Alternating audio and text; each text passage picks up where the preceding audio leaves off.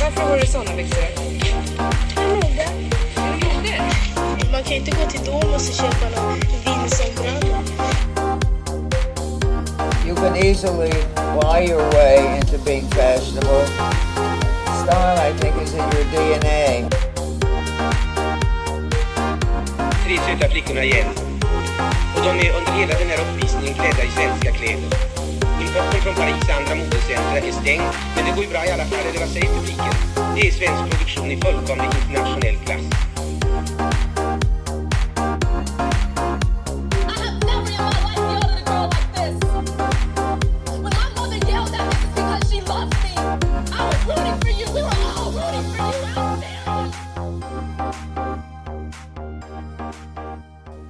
Hej och välkomna till Samtal med Studio Tvätt.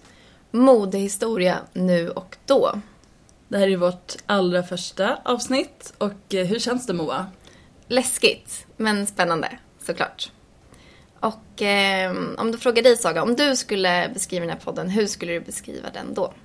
Jag skulle beskriva den som djupdykningar i modehistorien. Typ modeögonblick som har förändrat världen. Händelser som har förändrat modebranschen. Eller kanske trender idag som vi analyserar och, och tar reda på hur de uppkom. Nutid och dåtid kombinerat för att förstå mode lite bättre kanske. Och Studio Tvätt då. Vi heter ju Samtal med Studio Tvätt, men vad är Studio Tvätt egentligen? Ja, det kanske inte så många vet, men Studio Tvätt eh, är, en syateljé som ligger nära Gullmarsplan i Stockholm. Och eh, ordet tvätt kommer att, från början var ju den här lokalen en kemtvätt, det står ju då fortfarande tvätt på fönstren. Och därav tyckte vi att namnet Studio Tvätt passade väldigt bra. Vi är ju inte ensamma i den här studion. Vi är totalt fem personer som sysslar med olika hantverk, men alla har väl textil gemensamt. Och du och jag Saga jobbar ju mycket tillsammans. Att eh, skapa olika kreationer i form av accessoarer, kläder eh, och där vi också även tar beställningar.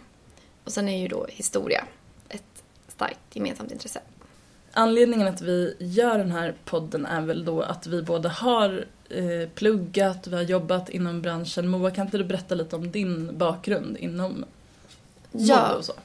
Den är väl lite spretig, men mitt textilintresse kom väl väldigt tidigt och att eh, sy. Och jag har också läst modehistoria och också stilhistoria när det kommer till inredning. Jag tycker på något sätt att det är enklare att eh, koppla och minnas historien ur ett sånt perspektiv. Eh, men jag är, och, jag är utbildad mönsterkonstruktör. Eh, men sen har jag då en kandidat i kanske, man kan tänka något helt annat, men eh, i sinologi som är då Kina-kunskap och kinesiska. Så har också varit en del i Kina. Och även nästan, får jag väl ändå säga, master i östasiatiska studier. Ja, jag arbetar en del inom retail, styling, en del inom textilproduktion. Och eh, min närmsta bakgrund är väl inom eh, kinesiska sociala medier och eh, content där.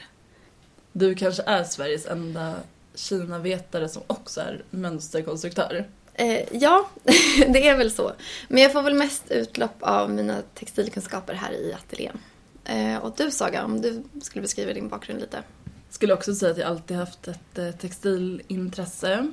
Och jag har pluggat skrädderi, mönsterkonstruktion, eh, modedesign, gick en utbildning i Berlin. Eh, så att det praktiska, men jag har också pluggat det teoretiska kring mode. Som modevetenskap och textilvetenskap till exempel. Och jag har jobbat, eh, men också så här, allt ifrån retail, jag har jobbat i tygaffär till exempel. Jag har jobbat med mode, på modedesignföretag och eh, jag kommer senast också från en roll som ja, men, redaktör inom content och eh, reklam och eh, skribent. Så jag har det, jag är liksom mode och skrivande kan man säga. Ja, men nu så frilansar jag in som copywriter, modeskribent och så jobbar vi såklart tillsammans med Studio Tvätt. Bra sammanfattning. Jättebra. Och nu vet vi allt om vår professionella bakgrund, men lite personligt då.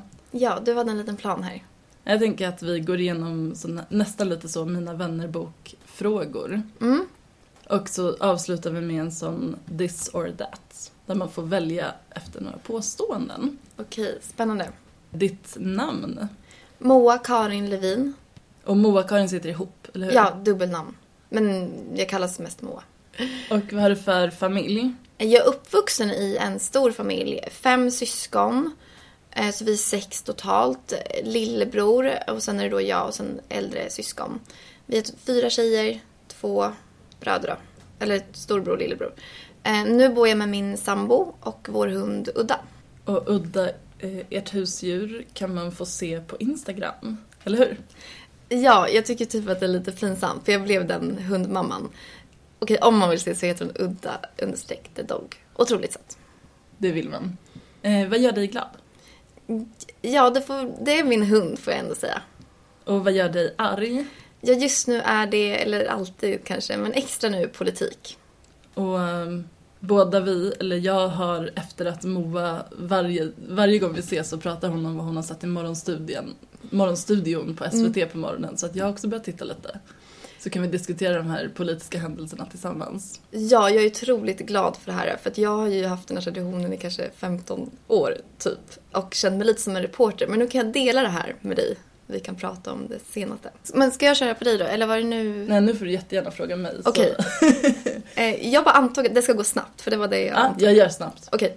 Eh, ja, eh, förnamn, efternamn. Saga Josefina Margareta Loxdal. Ja. Saga är mitt tilltalsnamn. Ja, Lockstad, otroligt efternamn. Familj. Jag är uppvuxen med två yngre bröder, mina föräldrar och vi har haft katten Lill. Men eh, nu så har ja, nu har jag ingen egen katt, men en katt som jag och min sambo brukar ta in då och då på besök. Mm. Grannkatten som är jättegullig. Gulliga Sture. Vad gör dig glad? Jag blir glad av att vara ja, men, på en plats där jag känner att jag är i rätt sammanhang och verkligen kan vara mig själv till 100%. Som typ den här podden och hela Studiotvätt. Kan bara instämma. Vad gör dig glad? Äh, Arg, förlåt. jag läste fel. Det finns säkert fler saker jag blir glad av. Ja. Men arg, alltså jag, jag, kan också bli arg över saker jag hör på nyheterna. Jag kan bli irriterad på olika fenomen. Nu senast har jag väl irriterat mig lite på folk som går, kanske överanvänder hajkbyxan. Som jag menar, den är till för typ fjällvandring men nu har ju nästan alla det mitt i stan, vad de än gör. ja. Det finns mycket man kan säga om hikingbyxor. Jag tänker de som förstår, förstår vad vi menar. Vi kanske får göra ett avsnitt om det här sen. Mm, kanske. Och eh, nu kommer den roligaste delen kanske tycker jag. This or that. Och då så säger jag snabba påståenden och så får vi båda bara välja snabbt. Ja, Här kommer det. Filippa K eller Ganni? otroligt svårt. Det får bli, det blir nog ändå Ganni. Ja, men det passar dig, du gillar ju mycket färger och så. Jag väljer Filippa K. Känns lyxigt. Ja, men du känns ändå inte som en typisk Filippa K-tjej. Men eh, jag kan, ja, jag förstår vad du menar. Nej, jag tror inte någon någonsin har sett mig klädd i Filippa K. Jag tror jag gillar konceptet av typ deras material och så. Ja, men precis. Ylle eller siden? Ille. Och då tar jag siden. Klänning eller byxor? Klänning. Klänning här med. Inget slår en riktigt bra klänning. Nej.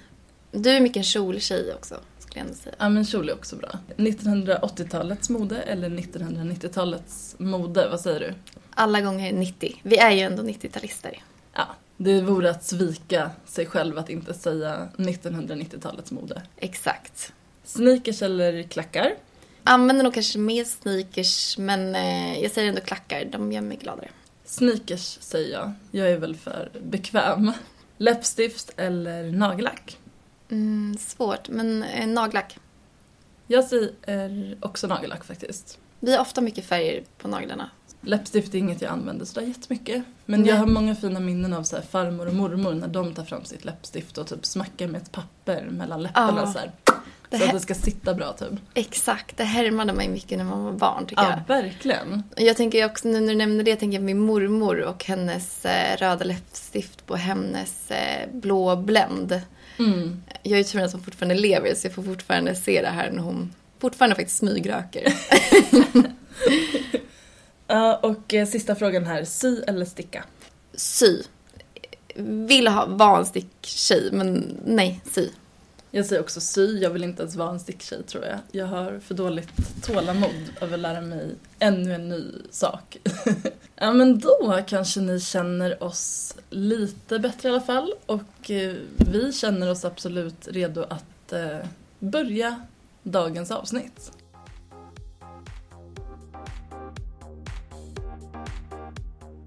Just nu står Europa åter i brand. I alla fall är det krig i Ukraina. Här i Sverige har vi inte märkt av det så mycket än, förutom ökade priser på el, mat och kläder. Många av de nyhetsklipp och artiklar vi ser idag påminner mycket om hur det rapporterades under andra världskrigets början. Ett reportage från SVT med rubriken Höjda priser kan få fler att gå över till tygblöjor. Vi har en annan artikel från Sveriges Radio P4. Höjda priser på kläder väntar, så får du kläderna att leva längre. Priserna på kläder kan öka kraftigt i höst. Rekordpriser på bomull gör att handeln riskerar en höjning på upp till 20%, rapporterar Ekot. I ett modehistoriskt perspektiv så är det intressant att titta på hur kriget påverkade modevärlden och hur svårigheter som ransonering och importstopp också ledde till en utveckling av modebranschen. Och vi menar inte att vara alarmister, men det är som sagt svårt att inte se likheterna mellan just nu och då. I vårt eh, forskande inför det här avsnittet så har jag bland annat gått igenom eh, ett kapitel i boken som heter Modevetenskap av eh, Filip Varkander och Emma Severinsson.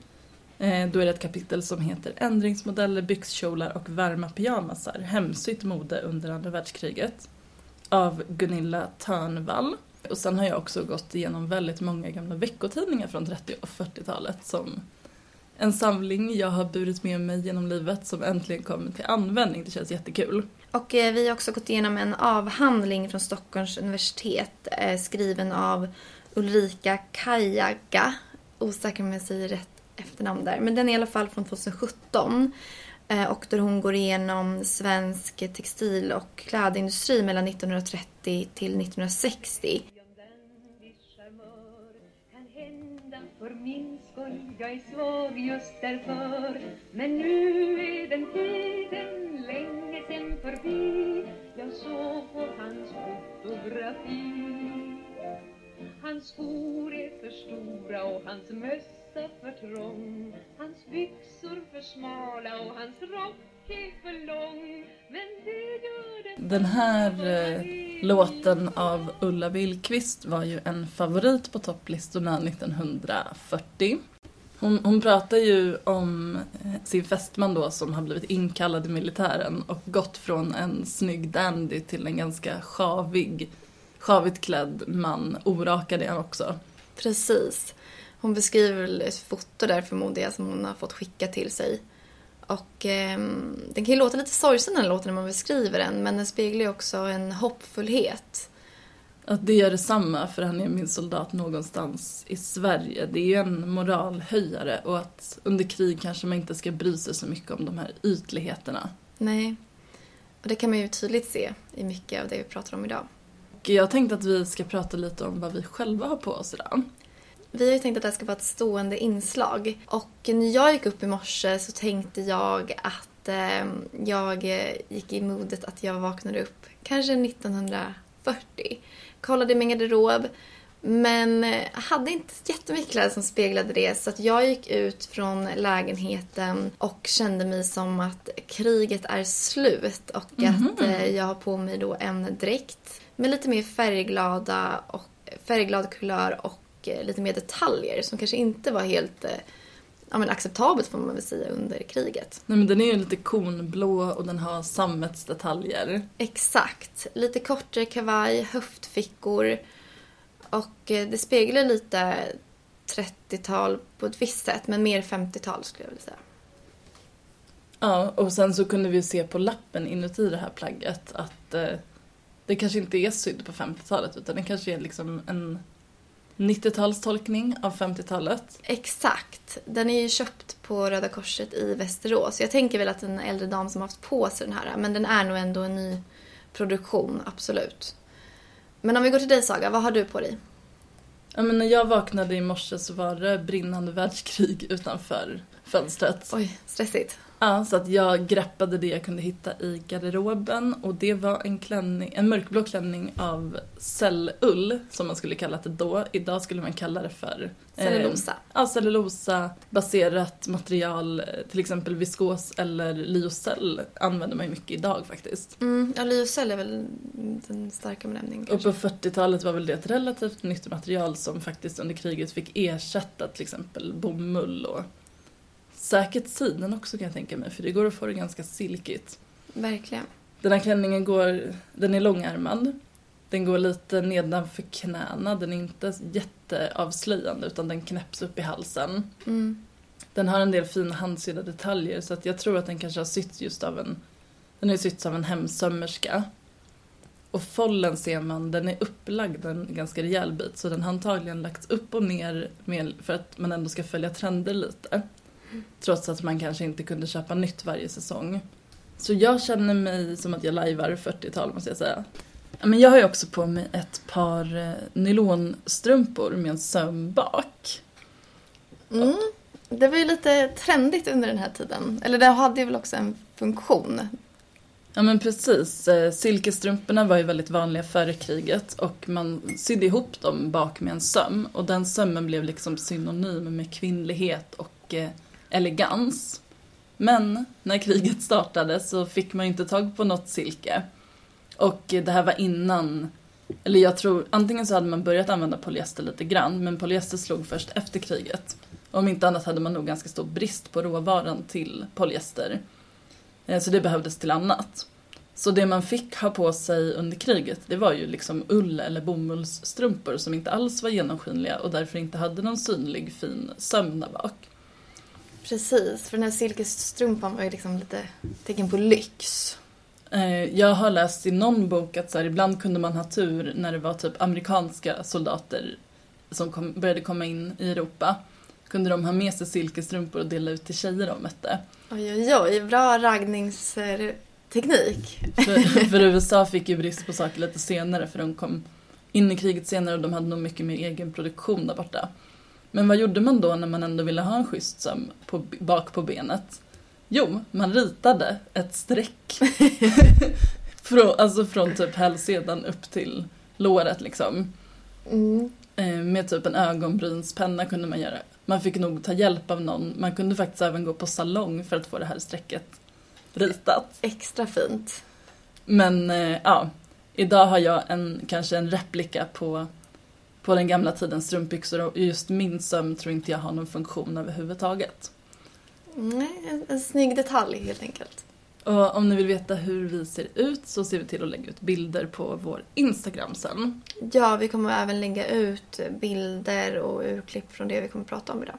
Och då går ni in på studio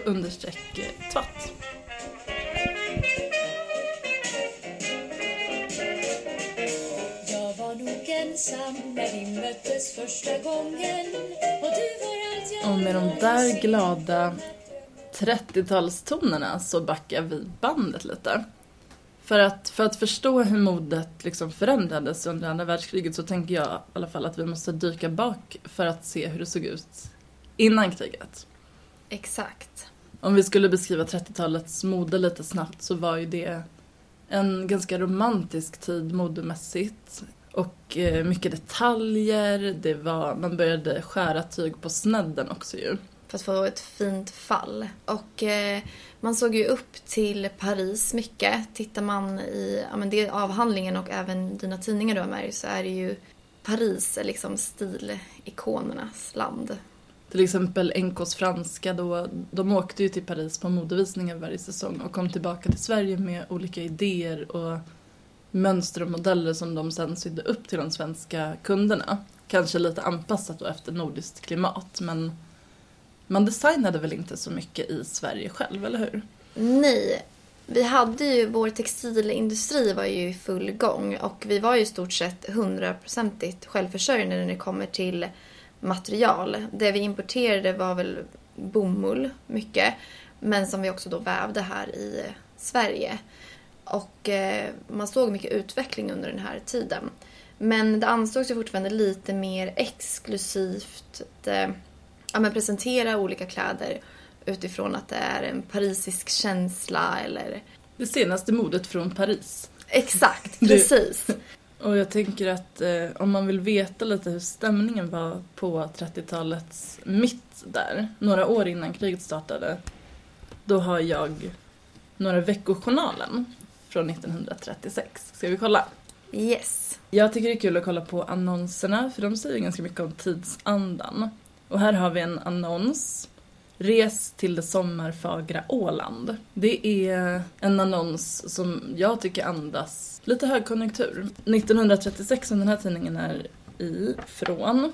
Det var ju liksom om vi säger att 20-talet var det glada 20-talet, då fick ju det ett abrupt slut med en ekonomisk krasch världen över. Alltså att eh, Sveriges eh, ekonomi kraschade där i början på 30-talet, men jag tror att så här lite i mitten på 30-talet så har den rest sig igen. Ja, för det brukar ju du prata ibland om, eh, eller att man glömmer bort att 30-talet var ju också lite av ett glada 30-tal, men att man brukar ju mer benämna 20-talet som det. Men att... Mm.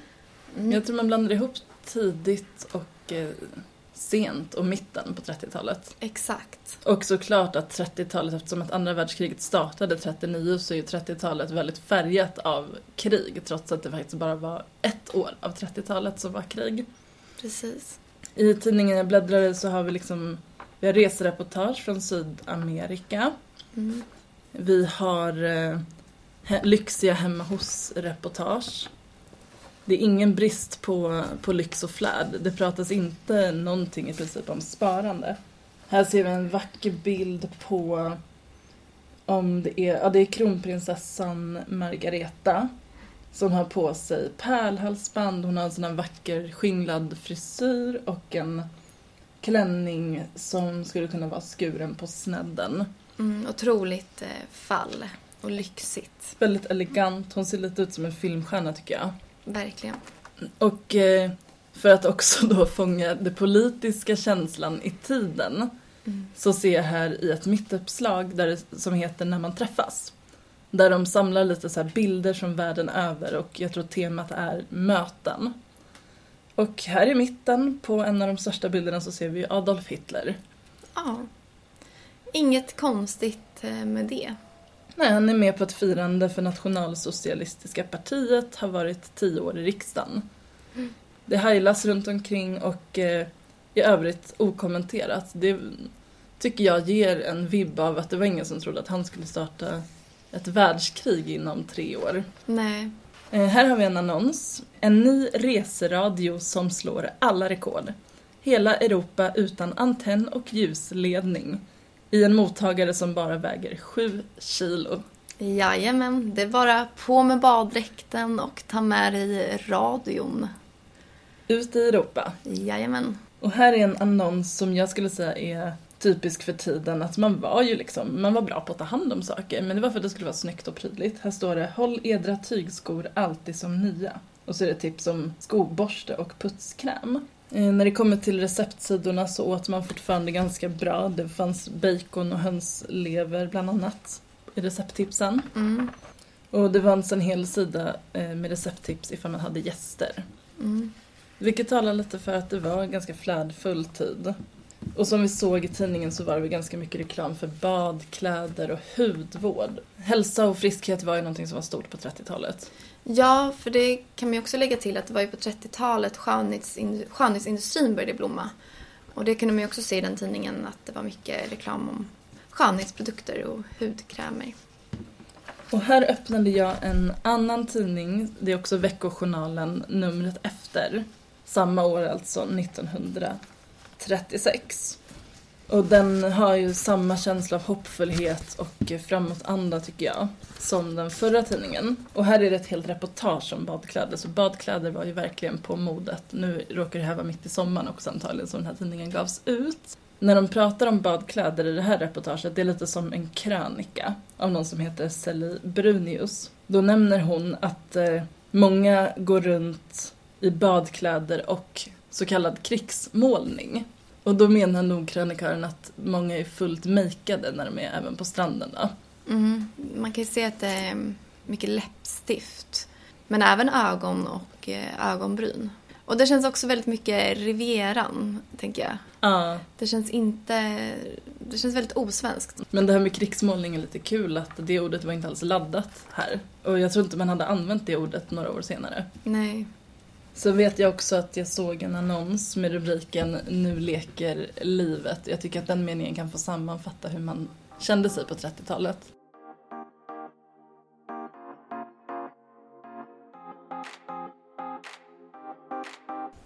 –1939 startar andra världskriget. Sverige är neutralt, men alla grannländer är snart hårt drabbade av kriget. Det hindrar inte att Sverige har drabbats av varubrist. Däremot, jag har ett par tidningar från 39 och 40.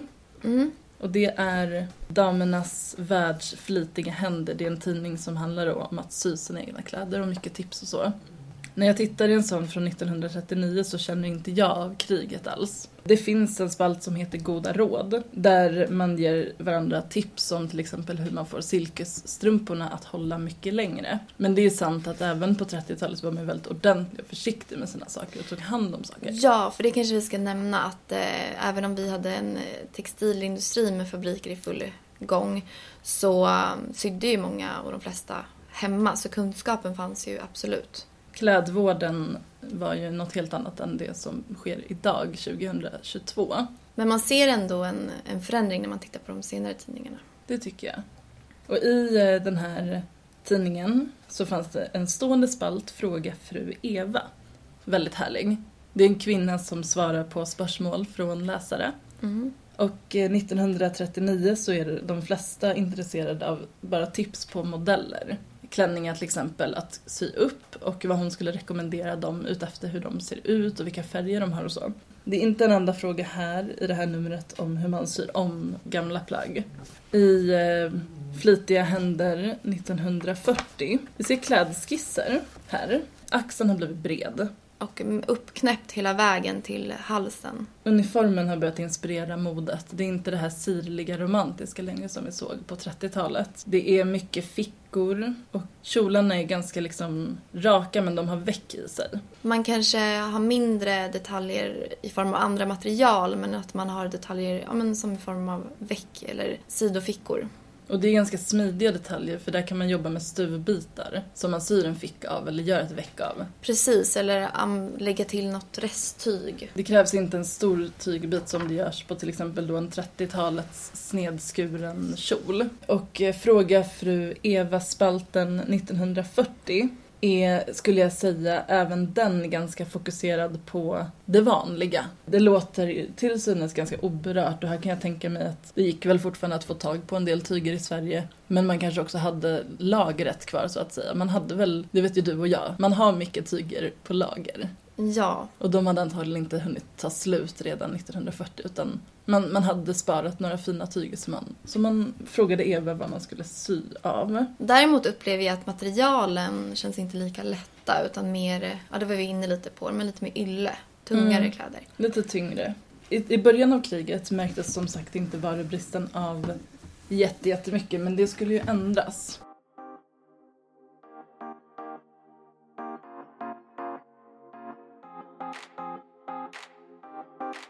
Varubrist leder ju ofta till inflation, för har man brist på något så blir ju det som finns dyrare. Vad gjorde då staten för att motverka inflation i början av kriget? I juni 1941 infördes prisreglering. Man introducerade Statens priskontrollsnämnd som var då en statlig byrå som bestod av människor från olika delar av industrin som ansågs då som experter. De tillsammans då reg- gjorde regleringar och prissatte olika modevaror. Och man kan ju beskriva de här lite som priskontrollspoliser som genomförde då kontroll över hela landet för att se till att eh, industrin höll de här prissättningarna. Och tillsammans också skapade de en eh, informationsblad och broschyrer som gick ut till allmänheten eh, med slogan Välklädd till rimligt pris. Och det här var ju liksom en, en statlig kampanj för att uppmana folk att vara sparsamma med sina kläder i solidaritet med hela landet liksom. Att man skulle ta vara på resurserna tillsammans. För det var ju så att mycket av textilen som fanns i Sverige behövde gå till försvaret. Men man kan också se att eh, på grund av kriget så påverkades ju stilen inom mode ganska mycket av det här militäriska. Axlarna, även på kvinnors kläder då, blev ju allt bredare. Man hade axelvaddar. Det var mer eh, tillknäppt, lite som jag beskrev kläderna jag har på mig idag. Dova färger som grått och militärgrönt. Eh, så, så kvinnor skulle inte längre gå runt och ha så här romantisk, sirlig, dekorerad stil. Däremot så var det ju lite svårt att klä sig som kvinna på den här tiden. Man började ju också arbeta mycket mer i manliga yrken när männen var inkallade. Så praktiska kläder var ett måste. Men eh, ja, när mannen kom hem från någonstans i Sverige där han hade varit inkallad, då var det ju också då att man skulle man fick inte vara för militäriskt klädd för att då, då skulle man se manlig ut. Man skulle liksom vara feminint praktisk och feminint militärinspirerad. Medan eh, när mannen var borta så ansågs det kanske att kvinnor skulle inte ha för liksom vackra och romantiskt utsmyckade kläder. Man skulle inte gå runt med någon urringning när ens man låg på någon kobbe i skärgården och spejade efter tysken. så det var väl lite av en fine line hur man skulle klä sig Eh, och vara kvinnlig men fortfarande inte för kvinnlig. Och ledorden, man skulle kunna säga solidaritet och att eh, inte gå runt i festkläder helt enkelt. Man skulle vara mer, i den här avhandlingen nämner de mycket så här patriotisk klädsel inom krigs, i krigstiden.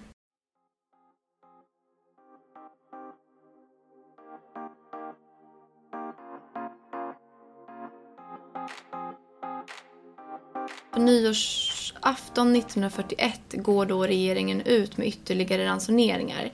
Och denna gång är ju då garderoben som drabbas.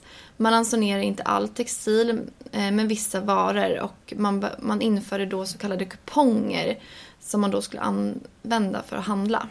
Och det var man ju kanske redan van vid för man hade behövt det vid köp av typ bensin och fläsk och socker och kaffe och sådana saker. Och som sagt, eh, från början var det inte alla typer av textil och modevaror men efter ett halvår av textilransonering så skärptes den ännu mer. Och eh, ja, runt sommaren 42 så var ju alla kläder ransonerade. Kupongerna blev alltså allt viktigare. Men sen måste jag säga att jag tror att den här ransoneringen påverkade klasser lite olika. Till exempel en överklasskvinnas garderob var nog redan ganska välfylld redan innan kriget startade och med lite styling skills så tror jag att hon kunde liksom styla om och eh, se ganska fräscht klädd ut under kriget medan en arbetarklasskvinna som kanske redan hade en ganska liten vardagsgarderob och ändå inte kunde köpa så mycket mer än vad kupongerna tillåt, tillät. Där blev det ju väldigt viktigt att eh, sy själv också och sy om gamla kläder och sådär. Ja, men jag har ju gått igenom ännu fler tidningar. 1942 har vi här, det är alltså precis när ransoneringen har införts. Här ser jag en annons från ett eh, märke som heter Collins med rubriken Dräkten är alltjämt aktuell. I den är ni alltid chic och välklädd och så är det en bild på en tecknad kvinna i en ganska typisk 40-talsdräkt, breda axlar, väck i kjolen, dubbelknäpp. Det här känns ju mer som samhällsinformation än som faktisk reklam, tycker jag. Precis, för i den här priskontrolleringen eh, så var det ju så att Socialdemokraterna gick ju ut med en kollektion som hette PK-kläder. Och eh, Vad betyder PK? Är det priskontrollerade? ja, det är väl priskontrollerade kläder. Men också PK-kläder så som man kanske tänker. Och eh, de gjorde ju då en kollektion som eh, gick just under namnet PK-kläder. För man ska ju komma ihåg att mycket var ju statligt ägt under den här tiden så många av de här annonserna var ju också propaganda från regeringen. Och just den här som jag läste upp vet vi inte om det var statligt men det känns ju väldigt samma stil som PK-kläderna vi har tittat på. Det här praktiska. Precis. För man fick ju heller inte i pressen skriva om lyxkläder. Och det märks ju absolut i annonserna 1942. Vi var ju heller inte ensamma om priskontrollering när det gäller textilransoneringen i Europa utan England var ju lite förespråkare där kan man väl säga. Ja men precis. Eh, De började ju ransonera kläder något halvår innan svenskarna. Exakt, och där även deras regering gick ut då med en så kallade PK-kläderskollektion, eller hur man ska benämna det. De gick väl inte under beteckningen PK, men eh, Nej men precis, I, i England så kallades det Utility Clothing Scheme och det var samma princip som PK-kläder. Det var liksom kläder designade med, med input från staten och de var också priskontrollerade. Och man brukade säga lite generellt att arbetarklasskvinnor hade inte varit bättre klädda än i början av kriget för nu hade de ju äntligen råd att köpa praktiska kläder för att priserna var kontrollerade. Det kanske ligger något i det. ja, verkligen.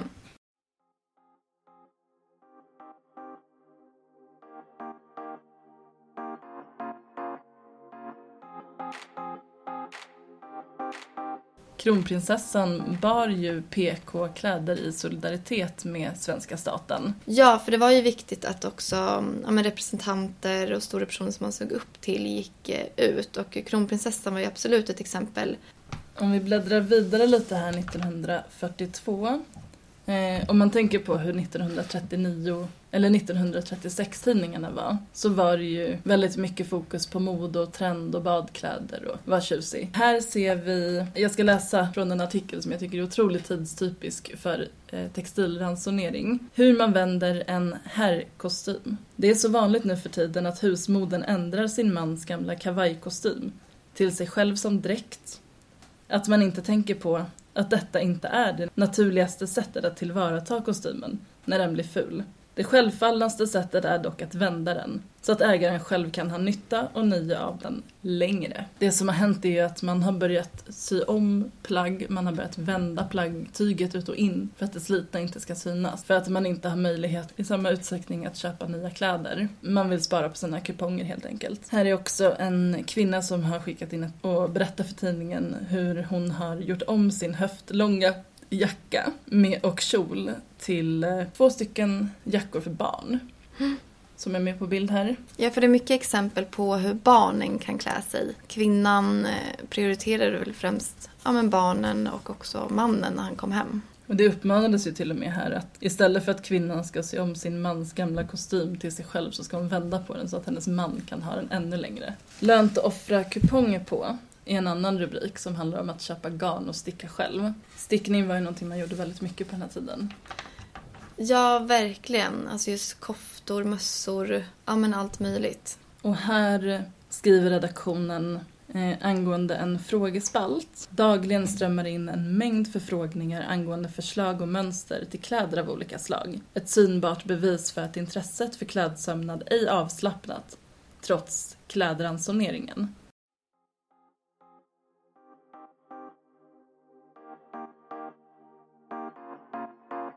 Den här då?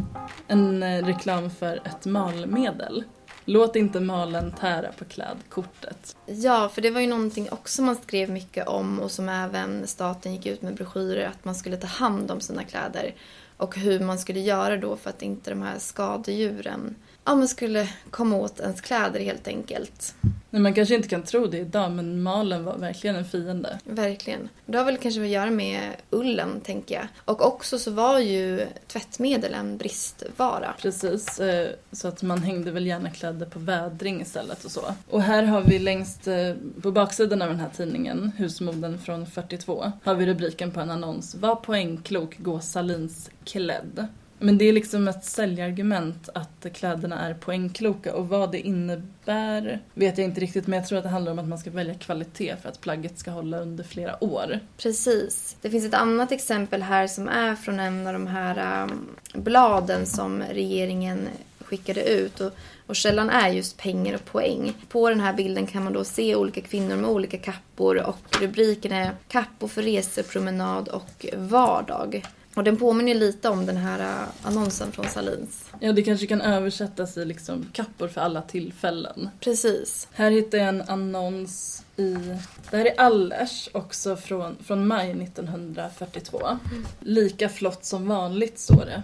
Och så är det lite olika bilder på, på klänningar. Och att säga lika flott som vanligt, det, det vittnar ju om att man, man refererar till tiden innan kriget tycker jag. Men att de försöker liksom hålla hoppet uppe även under krig och ransonering kan man vara lika flott som vanligt. Jag tror också de här tidningarna hjälpte till med det. Mm. Alltså speciellt för alla kvinnor som kanske var men mycket mer, eller mer ensamma hemma och ville ja, få tips och råd från andra kvinnor runt om landet. Och var det en bransch som gick bra på den här tiden trots varubrist så var det ju faktiskt tidningsbranschen. Och papper kan man ju tillverka inhemskt i Sverige. Precis. Och det var ju också för att mycket mönster kom ju också med i de här tidningarna. Precis. Så det var här man hittade mönster till bra ändringsmodeller och sådana saker. Och eh, när då, när kriget bröt ut och man kanske inte kunde få samma liksom kunskap, dels alltså stilmässigt från södra Europa men också, eh, eller influeringar ska jag väl kanske säga. Men också att man då skulle, att ransoneringen kom och det blev varubrist. Så uppmanade regeringen även till industrin att komma på nya material. Och det ledde ju till i utvecklingen att cellullen kom. Och om vi stannar lite vid eh, cellullen och även andra material som jag nämnt, jag tänker på konstsilke också. Ska vi reda ut vad det är för material egentligen? Eh, ja, vi kanske ska grotta oss lite i det, för det är så kanske inte så lätt eh, för alla, inte ens för mig ibland. Jag kan bli lite förvirrad av alla de här olika textilbenämningarna. Men jag har googlat lite och eh, de nya materialen hade väl, både konstsilke och cellull hade gemensamt att det byggde på cellulosa som alltså kommer från trä. Man bryter ner trä och eh, gör om det till en fiber. Medan, och cellull var då ett cellulosamaterial som skulle likna ull. Medan konstsilke var i regel ett cellulosabaserat material som skulle likna då silke. Och allting handlar väl egentligen om att det är vad man idag skulle kalla viskos eh, eller lyocell. Precis. För alla de här olika benämningarna går ju också lite under olika trademarks kan man väl säga. Ja men det finns liksom inget eh, samlingsord för det för att alla har tagit patent på olika typer av cell, cellulosamaterial. Ja, exakt. Jag tror många, alltså jag som har jobbat lite inom eh, retail, blir, tänker att lyocell är liksom någonting helt nytt som är då skapat från träd. Men eh, här är det kul att se att utveckling kom för väldigt länge sedan. Sen har de ju såklart utvecklats. De har blivit bättre för det var även, man kallade också det rayon. Det var kanske lite mer likt vad, vad man idag skulle säga är viskos. Bara att det var lite stelare och mindre utvecklat. Exakt, och man försöker, försökte väl få det att efterlikna silke lite. Ja, rayon var lite silkigt, det kunde säkert även vara lite likt bomull ibland. Och eh, det var ett material som inte var så poppis under kriget. Jag eh, ja, men har hört äldre personer säga att man uppskattade inte de här rayonklänningarna man fick under kriget. Exakt. Idag ser vi de här materialen som lite mer lyxiga. Men då kanske man tänkte på dem så som vi tänker på polyester ibland. Att det var liksom lite sämre. Det var fake. Det var fake.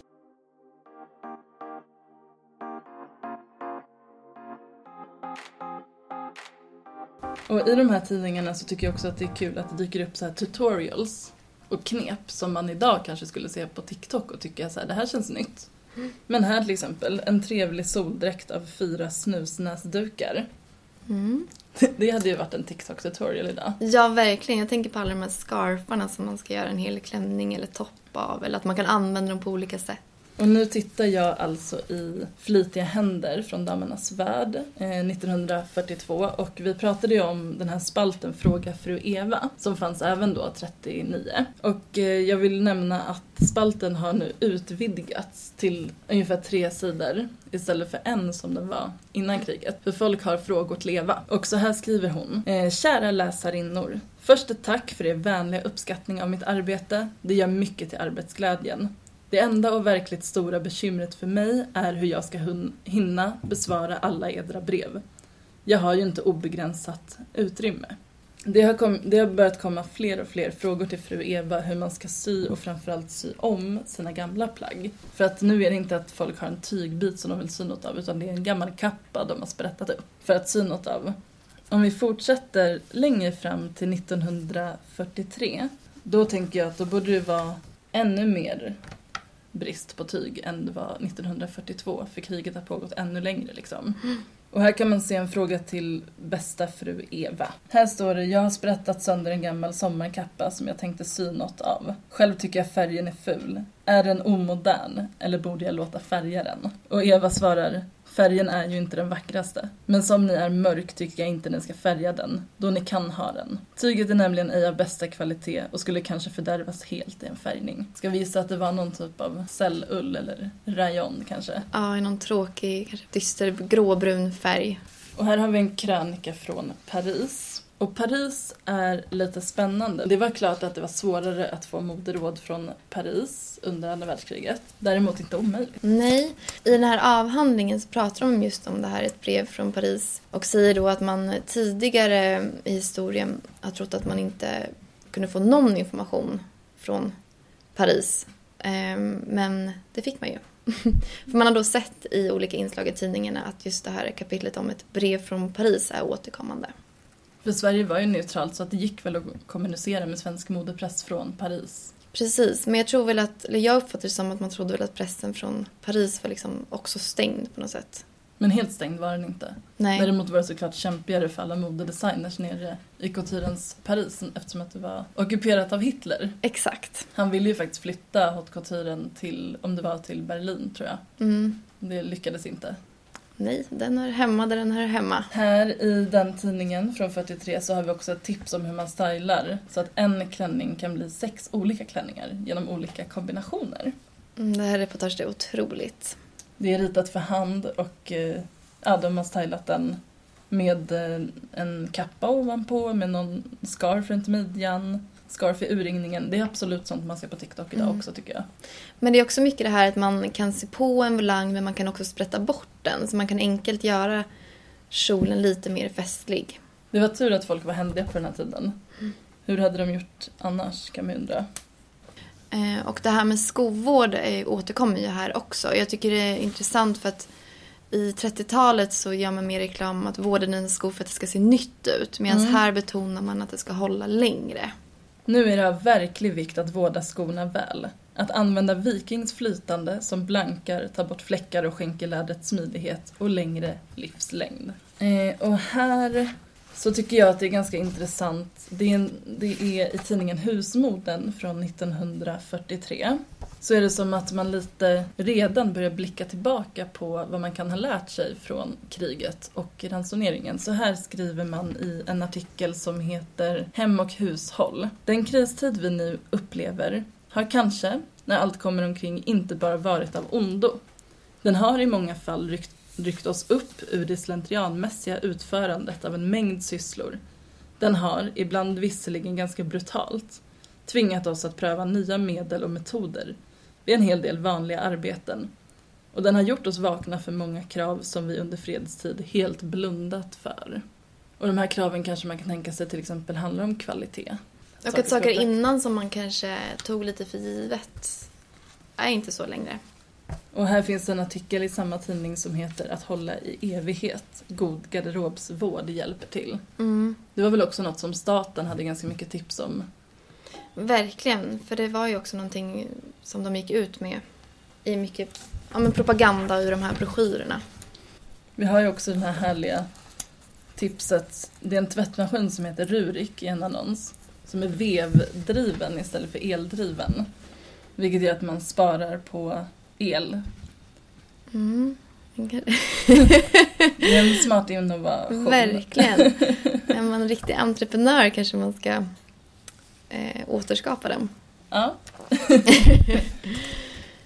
ja men som vi ser eh, med PK-kläder och eh, Salins modeller så var inte Paris längre allt utan man började få ett eget svenskt modespråk och det visades ju även på NKs franska. Vi ska lyssna lite nu på hur det kunde låta på en modevisning där. Tre söta flickorna igen. Och de är under hela den här uppvisningen klädda i svenska kläder. Importen från Paris och andra modecentra är stängd, men det går ju bra i alla fall, eller vad säger publiken? Det är svensk produktion i fullkomlig Ja, men vi har internationell klass. pratat om ransoneringen och vad som hände under kriget. Men eh, ransoneringen pågick ju liksom ännu lite längre tills efter kriget slutade. Mm. Ransoneringen höll på ända fram till 1951. Sen är det väl lite så här osäkert exakt när textilransoneringen tog slut. Men man kan ju tänka sig att så här, direkt efter kriget så hade man inte hunnit komma igång med produktionen liksom. Nej, att det tog ett tag. Och också folks ekonomiska situation. Det tar Ja. ett tag att bygga upp. Men det är väl att precis som, ja nu är det 2022, covid slog världen 2020 men det är fortfarande att folk pratar om pappersbrist och att så här, produktionskedjan har hamnat efter liksom. Och nu känns det också som att pandemin har ersatts liksom med inflationen. Mm. Och att man säger att inflationen som vi har idag beror både på efterdyningar från pandemin och kriget i Ukraina och säkert massa andra saker också. Min uppfattning när jag har läst i veckotidning, jag har en tidning här från 1948, Husmodern, och det är ju då tre år efter att kriget slutade. Det som framgår med det som står i tidningen, jag ska läsa upp sen, är väl att folk fortfarande är väldigt drabbade av den dåliga ekonomin som, som uppstod med kriget. Brist på varor och sådär.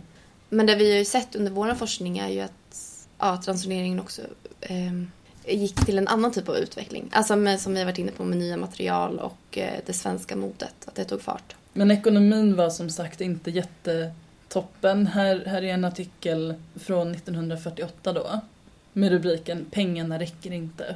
Och sen eh, så står det Men ni kan hjälpa andra att göra pengarna drygare. Genom att deltaga i vår stora pristävlan så lever vi billigare. Mhm. Alla har vi känt prisskruven obönhörligt borra sig uppåt. Och även vi som undviker allt vad lyx heter har känt priset på nödvändighetsvaror drivas så i höjden att vi inte kan följa med längre. Och då, ska, då är det alltså en pristävling där man ska ge sina bästa spartips. och det är allt möjligt som att de tar gamla ostskalkar och överblivna gräddrester och eh, sen kan de göra det till en gratis och god mjukost. Mm, men det var väl så, jag vet inte om kvargen kom till så, men jag vet att när min farmor pratade om kvargtrenden så menar hon på att det har funnits länge. Och så beskrev hon lite exakt det du sa nu. Det var roligt. Mm. Ja, nöden ger ju uppfinningar. Exakt. Här är lite andra tips på temat att sy om kläder också då från den här artikeln. Eh, där någon berättar hur hon, när hon och hennes make får nya byxor så brukar hon innan de använder dem sätta in förstärkningar på ställen som ofta slits. Så hon sätter in någon lapp kanske innanför låren eller i knäna. Så att de aldrig ens ska gå sönder. Okej, intressant. Så de har ju verkligen kvar det här krigsklädsbeteendet. Mm, verkligen. Och här är någon som berättar att jag ändrar och syr om allt gammalt i klädväg. Av lappar som inte duger till annat klipper jag matttrasor. Och det som inte duger till matttrasor sparar jag ihop och skickar till en fabrik för beredning av täckvadd. Täckvadd, alltså antar att det är typ vadd som man stoppar saker med. Ja, det låter lite, om man skulle jämföra med någonting idag, jag kommer inte på någonting i tygväg, men jag tänker det här med att man ska musta sina egna äpplen och skänka äpplen till förskolor. Mm. Mm, lite samma tänk. Och det här tycker jag att man känner igen från de, den äldre generationen som man träffar idag. Men med mormor så brukar vi alltid skämta när man så har öppnat paket till exempel på någon födelsedag eller på julen. Att så här, här är snörena så att du kan spara dem. Ja, Riv inte sönder pappret för det kommer mormor vilja vika ihop och spara i en låda. verkligen. Att, och vi kanske har skrattat lite åt det men för dem var det ett helt naturligt beteende. Ja. Men det värsta är att jag har ju blivit en. Sparar du sm- eh, snörstumpar? Jag sparar snörstrumpor. Stumpar Stumpar. och, eh, men framförallt papper. Paketpapper? Paketpapper. Och det här är också någonting som varit väldigt viktigt för min mamma. Så jag är ju den här som viker papperna efter varandra på jul så att mamma kan ta hem dem i en påse sen. Mm. Men jag gör ju samma sak då hemma. Frågan är om sånt kan gå för långt. För jag menar, jag tycker ju att eh, mycket av det vi gör idag, när vi bara slösar och slänger allt möjligt, det är ju dåligt. Och vi borde titta bakåt för att inspireras hur mycket man värdesatte allt man ägde på den tiden, hur mycket man tog tillvara på saker. Det finns ju en gräns när det blir hoarder. Ja, man får ju ha en fin, eh, en fin balans där. Verkligen. Men det jag tycker är fint när man läser är just den här solidariteten man såg under andra världskriget, alltså under tygransoneringen i Sverige. Att folk eh, kändes ändå som att de höll ihop och hade samma tänk. Att man gick inte ut med en galaklänning för det ansågs lite fel. Frågan är om det var tack vare att staten då satte in de här regleringarna och att folk lyssnade mycket på staten på den tiden eller om varje person kände att de ville verkligen ta sitt ansvar. Jag, jag tror att det är en kombination. Eller, eller framförallt att man lyssnade mer på staten, att man litade på dem. Att, de, att man, man såg dem som experter helt enkelt. Men jag tycker ändå man ser ett hopp i dem som har ett intresse just för textil. Att eh, vilja lära sig mer och att folk vill bidra med sina kunskaper, alltså på sociala medier. Så som vi såg i tidningarna under eh, ja, sent 30-tal, 40-tal. Ja. Att man hade sina tutorials. Ja. Nej men jag tror också att en enkel lösning skulle kunna vara att eh, i syslöjden i skolan bara så här istället för att sy en hopplös typ liten råtta eller en hoppetossa eller vad man gjorde så kan man väl bara få lära sig att sy i en knapp. Yes, ja, exakt. Laga en dragkedja, hur lappar jag mina byxor? Ja men låt barnen ta med sina kläder till syslöjden och så kan ni följa tips från 1940-talets veckotidningar. Exakt. Och så, så får de lära sig, kanske sy om dem då till ett annat plagg också. Mm, det skulle också vara lite historielärare. Men, eh, men generellt bara för att eh, alla idag har ju lite för mycket kläder, vilket de inte hade då. Mm. Ehm, Då hade de ju färre kläder man skulle ta hand om sina kläder. Men vi alla, eller de flesta, har ju väldigt mycket kläder i garderoben. Och att bara lära sig att ta hand om dem eh, skulle man ju vinna jättemycket på.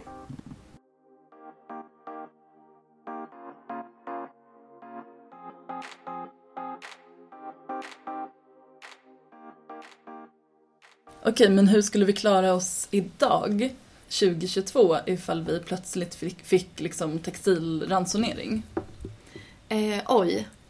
Osäkert. Jag tror vi kanske skulle vara lite mer splittrade politiskt om man kollar på det här solidaritetiska som man såg under andra världskriget. Men jag tror absolut att vi skulle eh, klara sig. Problemet idag är att folk har alldeles för mycket kläder. Ja, eh, vi har eh, också, jag tänker också att det finns extremt mycket second hand idag. Ihopsamlade liksom lager med kläder, det är bara att tömma dem. Töm Humanas lager och dela ut kläder till folk. ja men verkligen. Och sen så tror jag också, eller inte tror, det ser man ju att de som har ett starkt miljöengagemang skulle nog se det som ett positivt att, och ett behov av att, eh, att man vill att folk ska ta vara mer på sina kläder. ja, men en kul kanske utmaning.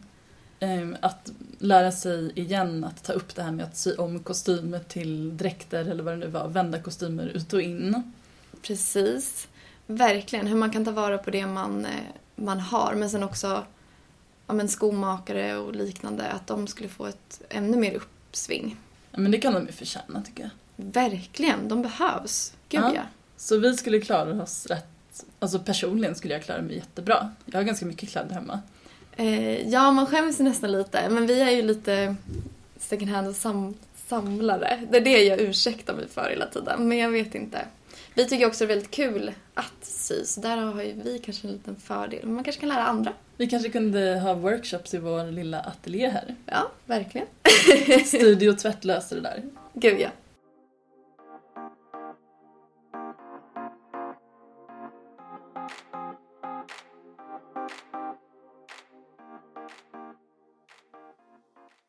Jag tror inte att andra världskriget egentligen var dåligt för svenskt mode. Jag tror att det var bra. Det gav Mm. en push. Mm, men sen upplever jag också, fast det kanske är lite så här naiv drömbild för att det alltid finnas olika klassamhällen men det kändes ändå som att man på något sätt försökte bygga upp ett samhälle där det skulle kännas mer jäm, jämställt. Ja men exempelvis som att kronprinsessan går ut och också klär sig i priskontrollerade kläder. Men många kanske tycker det är ytligt att prata mode när det är ett krig liksom. Men att jag tror alltså mode och mat och tillställningar och kultur ger ju ändå eh, ett, ett hopp också. Ja, alltså mode hade en stor betydelse under kriget. Att kunna uttrycka sig, att känna värdighet. Mm. Det finns plats för mode under krig, bara en annan typ av mode. Och det vet man ju själv bara när man kanske haft veckor där man varit lite mer låg. Mm. När man väl liksom klär upp sig och känner sig lite fin men man kanske inte känner sig helt hundra så mår man ju mycket bättre. Summa summarum, mode är viktigt även i krig. Ja, för mode är en del av vår kultur och kultur mår man bra av. Verkligen. Och eh, är man intresserad av att laga sina kläder så kanske inte bara TikTok och Instagram gäller. Man kanske ska gräva lite gamla tidningar för att få riktiga De bästa Tips. tipsen. De bästa tipsen, ja. Absolut. Om vi också ska summera ja, men hur, hur modet kom att utvecklas efter kriget. Kanske som en liten teaser inför nästa avsnitt. Vad har vi då? Ja men verkligen. För det är tydligt här att i kristider så kommer det inte bara dåligt. Utan i andra världskriget att det blev utveckling av nya material men också utvecklingen av svensk mode. Och eh, födelsen får man väl säga av sportmodet men också ungdomsmodet. Eller kanske på ett sätt födelse men också kanske att man tog, i, tog vid där 20-talet slutade kan jag tycka. För på 20-talet var det ändå lite av en våg av lite sportigare plagg med Chanel och sådär. Precis. Och även lite mer ungdomskultur som kanske abrupt fick ett slut då. Eh, I och med depressionen och eh, kriget. Men att här efter andra världskriget då kan man ta vid där. Och eh, det blev ungdomarnas tid. Verkligen. Och att eh, innan i Sverige så hade vi kanske kunskapen i industrin men att det nu eh, kom mer formgivare även härifrån. Nu kunde man både designa och tillverka kläder för tonåringar. Verkligen. Vilket blir lite av nästa veckas tema. Precis, för nästa gång kommer vi prata om utvecklingen av tonårsmode i Sverige och framförallt fokusera på eh, Kerstin Lokrans som var ju en av de största influensa, influencernas, vad säger man? In, influenserna. Influerade Influerade. på slutet av 40-talet och 50-talet. Eh, och även eh, Gunilla Pontén, de jobbade lite som en duo. Det var verkligen en stjärnduo. Så tack för att ni lyssnade på veckans avsnitt. Ja, tack! Vårt första avsnitt. Hoppas ni följer med oss. Och eh, vill ni se lite bilder från det vi har pratat om idag så går ni in på studio tvatt på Instagram. Yes. Ses nästa Ses. vecka. Yes. Hejdå! Hejdå!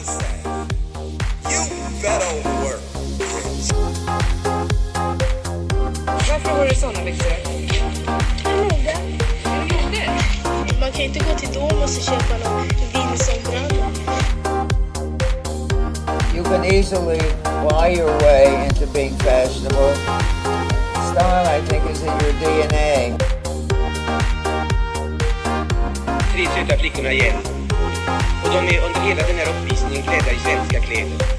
Importen från Paris andra modecentra är stängd, men det går ju bra i alla fall, eller vad säger publiken? Det är svensk produktion i fullkomlig internationell